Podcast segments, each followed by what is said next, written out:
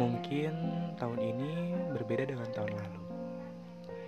Di ulang tahunku yang sekarang, tidak ada yang spesial seperti tahun lalu. Ada beberapa faktor.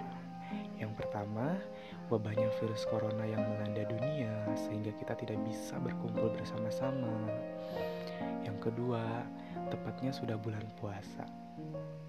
Di tahun ini, aku tidak mengharapkan potong kue, aku tidak mengharapkan tiup lilin, Aku tidak mengharapkan kado, aku tidak mengharapkan pesta yang besar, tetapi yang aku harapkan adalah wabah virus ini cepat-cepat hilang dari muka bumi sehingga kita bisa berkumpul kembali bersama-sama, penuh canda tawa dan sebagainya.